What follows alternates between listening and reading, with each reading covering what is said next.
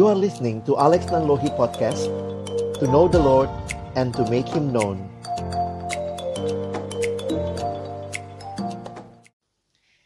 God-centered family. Demikianlah tema perenungan firman Tuhan pada hari ini. Keluarga yang berpusat kepada Allah. Keluarga yang tentunya meneladani Allah. Di dalam Ibrani yang sudah kita pelajari sejauh ini. Kita melihat bagaimana penulis kitab Ibrani menyatakan supremasi Kristus sebagai satu-satunya Allah yang melampaui seluruh yang ada dan yang dikenal manusia. Allah yang berkarya di dalam dan melalui kehadiran putranya, Yesus Kristus, membawa keselamatan bagi manusia. Kitab Ibrani ditulis untuk jemaat yang sedang berada di dalam kondisi kehidupan yang sulit karena mungkin tekanan yang dialami, karena mungkin kesulitan hidup yang mereka alami, membuat mereka kemudian meragukan kehadiran Kristus bagi mereka. Mereka meragukan untuk terus bisa percaya kepada Kristus, dan mereka berniat kembali kepada kepercayaan mereka yang lama. Untuk itulah, surat Ibrani dituliskan membawa mereka memandang sekali lagi kepada Kristus, melihat siapa Dia yang adalah satu-satunya Tuhan dan Juru Selamat. Penulis Kitab Ibrani banyak menggambarkan tentang Kristus di dalam perspektif Perjanjian Lama yang dikenal oleh jemaat pada waktu itu. Kristus dikatakan sebagai imam besar dan bukan hanya itu saja, dia juga digambarkan sebagai kurban yang dibawa oleh imam besar. Sehingga gambaran inilah yang ingin diberitakan kepada penulis orang-orang yang membaca surat Ibrani ini. Supaya mereka kembali melihat kepada Kristus, melihat supremasinya, keunggulan Kristus, dan karyanya yang genap satu kali untuk selama-lamanya. Allah menyatakan bahwa Yesus adalah imam besar yang sempurna, berbeda dengan imam-imam besar sebelumnya yang ada di dalam Perjanjian Lama. Namun, bukan hanya Yesus sebagai imam besar, tetapi Dia juga adalah kurban bagi penebusan dosa. Menarik untuk memperhatikan terjemahan yang lebih tepat seharusnya adalah kurban, bukan korban.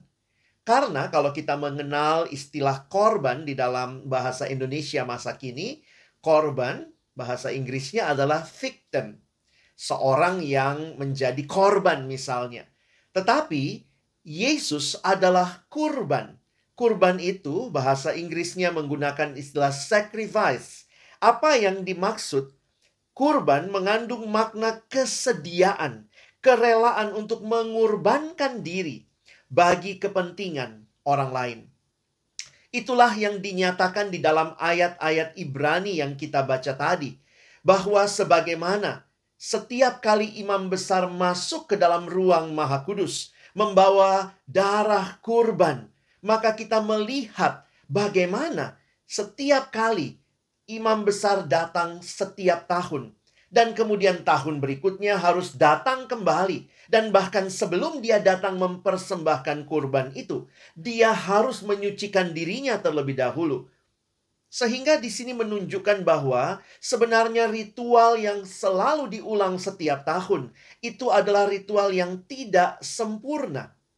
Tetapi penulis Ibrani mau menunjuk kepada Kristus sebagai kurban penebusan dosa yang sempurna imam besar yang sempurna itu membawa kurban yang sempurna, yaitu dirinya sendiri, satu kali dan untuk selama-lamanya.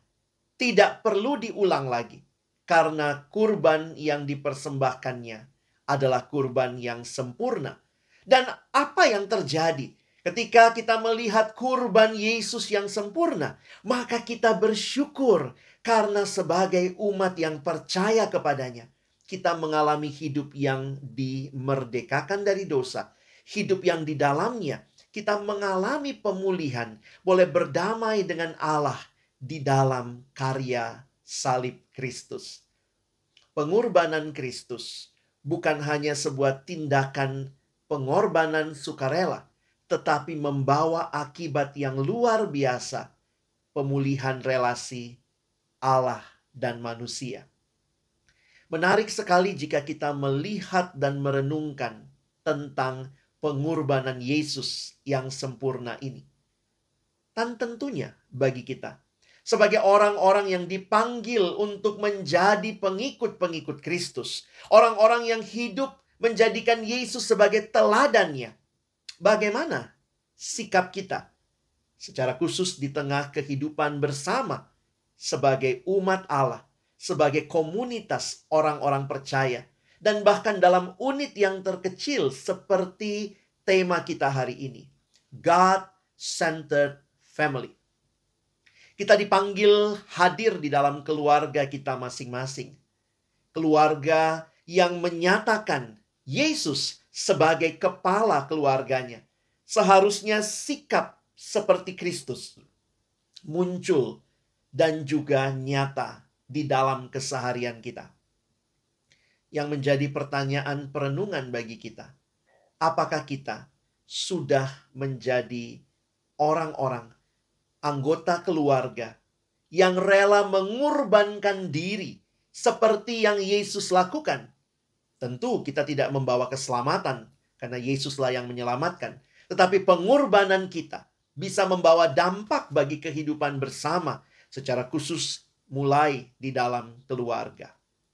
Ketika Yesus menjadi pusat dalam kehidupan setiap keluarga, maka kiranya semangat mengorbankan diri bagi kepentingan orang lain, bagi kepentingan sesama, bagi kepentingan keluarga menjadi semangat kita bersama yang mengaku bahwa kita meneladani Kristus. Perikop yang kita baca hari ini menunjukkan kepada kita seperti apa sikap Yesus yang justru di dalamnya membawa keselamatan bagi setiap kita yang percaya. Saudara-saudara yang dikasihi dalam Tuhan Yesus Kristus, kita hidup dalam dunia yang penuh dengan keegoisan Dunia yang bukannya rela berkurban, tetapi dunia yang bahkan rela mengorbankan orang lain demi kepentingan diri. Saya pernah mendengar ada yang mengatakan, "Saya ini, Pak, orangnya baik, belum apa-apa sudah memuji diri baik."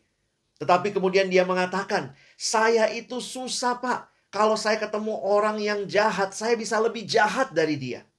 Wow, kalau saya disakiti, Pak, saya akan menyakiti dia lebih lagi.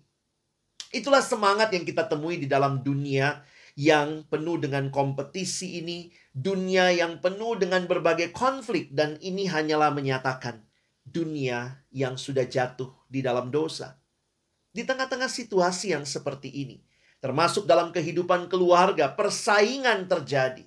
Di dalam keluarga yang sudah jatuh dalam dosa, kepentingan diri sendiri yang dianggap paling utama. Dan pertanyaannya, apakah semangat mengorbankan diri seperti Kristus masih menjadi ciri dari kehidupan keluarga kita?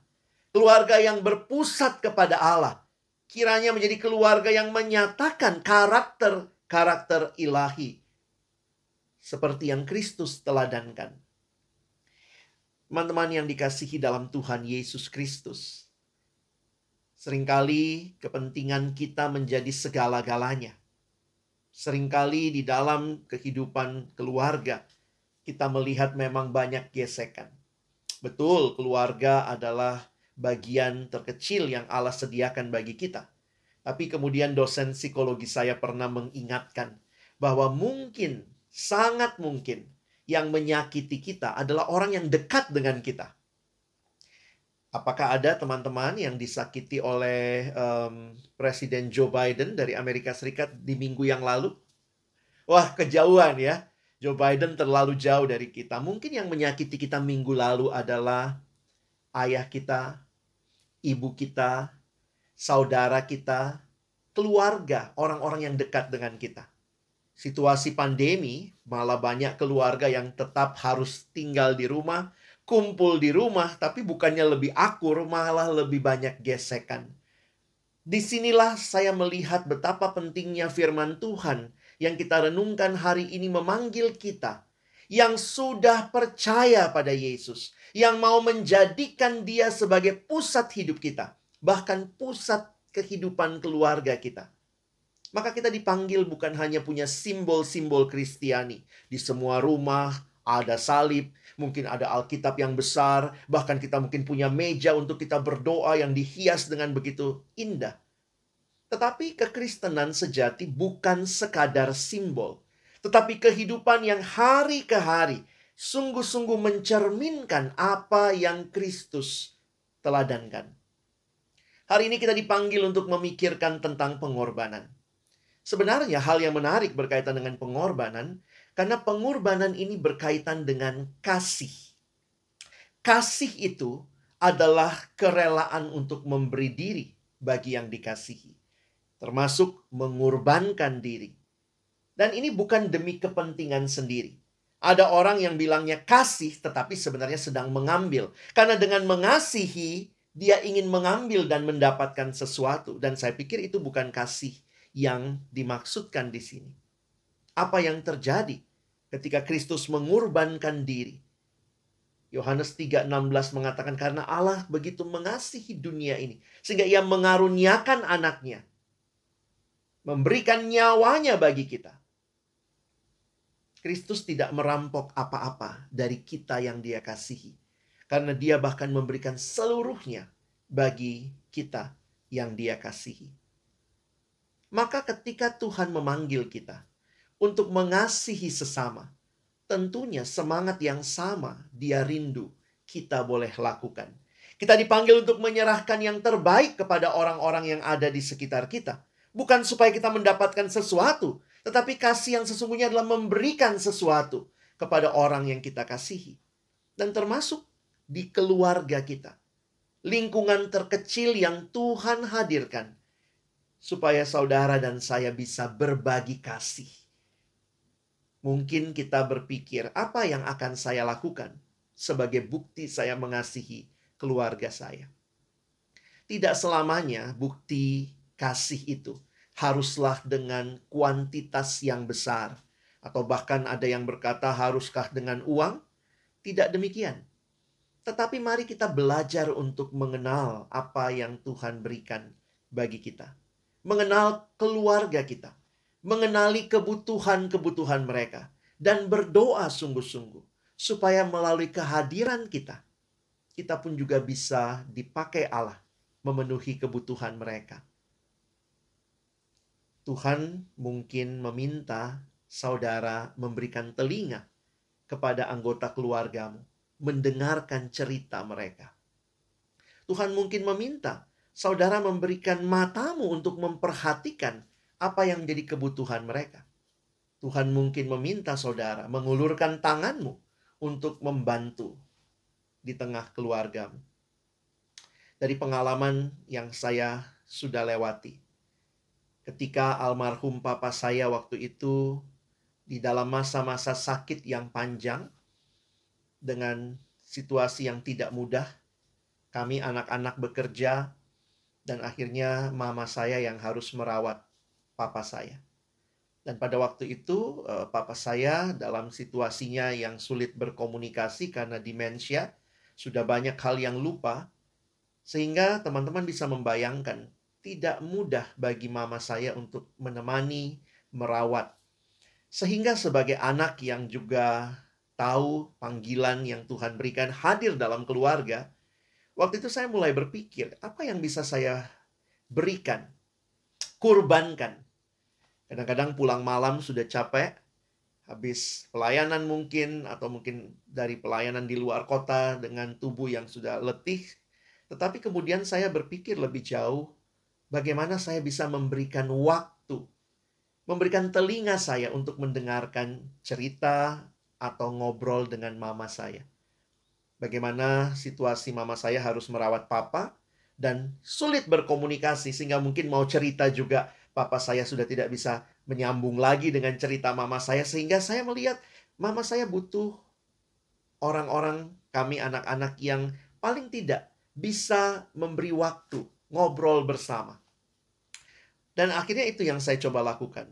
Minimal setelah saya pulang, saya akan duduk ngobrol dengan mama saya. Ngobrol apa saja yang mungkin seharian ini dia mau cerita. Hanya sekitar setengah jam. Walaupun lelah, capek, tapi saya berpikir inilah satu hal yang bisa saya kurbankan. Saya bekerja, saya melayani, mungkin saya bisa saja memberikan uang.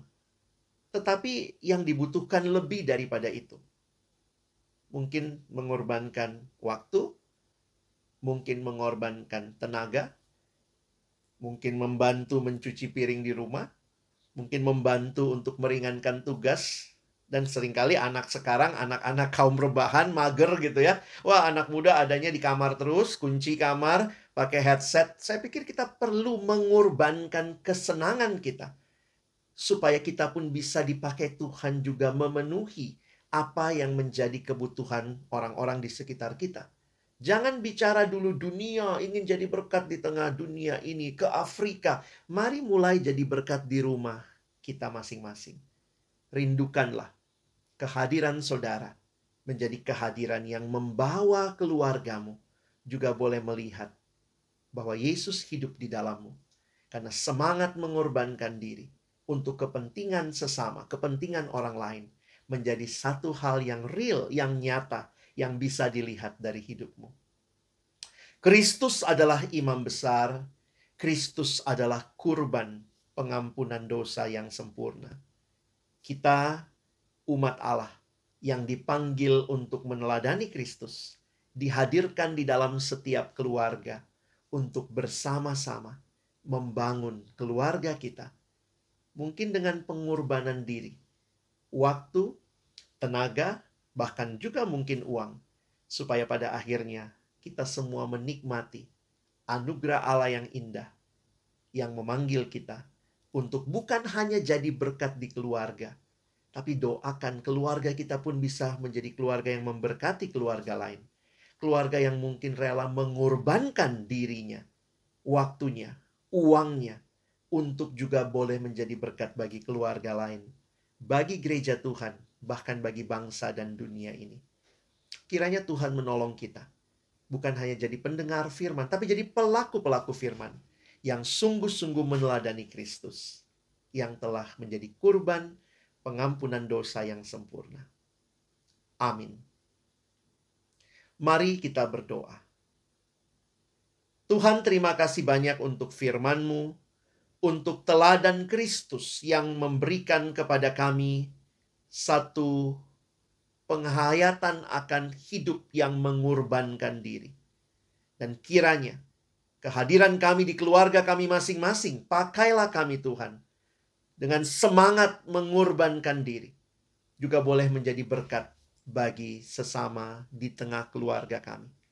Bagi orang tua kami, bagi saudara-saudara kami, dan pada akhirnya bukan hanya bagi keluarga kami, kami pun bisa berperan lebih luas lagi. Bagi gereja Tuhan, bagi masyarakat, bangsa, dan bahkan dunia ini. Terima kasih Tuhan. Sekali lagi tolong kami, bukan cuma jadi pendengar firman, tapi jadi pelaku-pelaku firman di dalam kehidupan kami. Dalam nama Tuhan Yesus kami bersyukur untuk firman-Mu. Amin.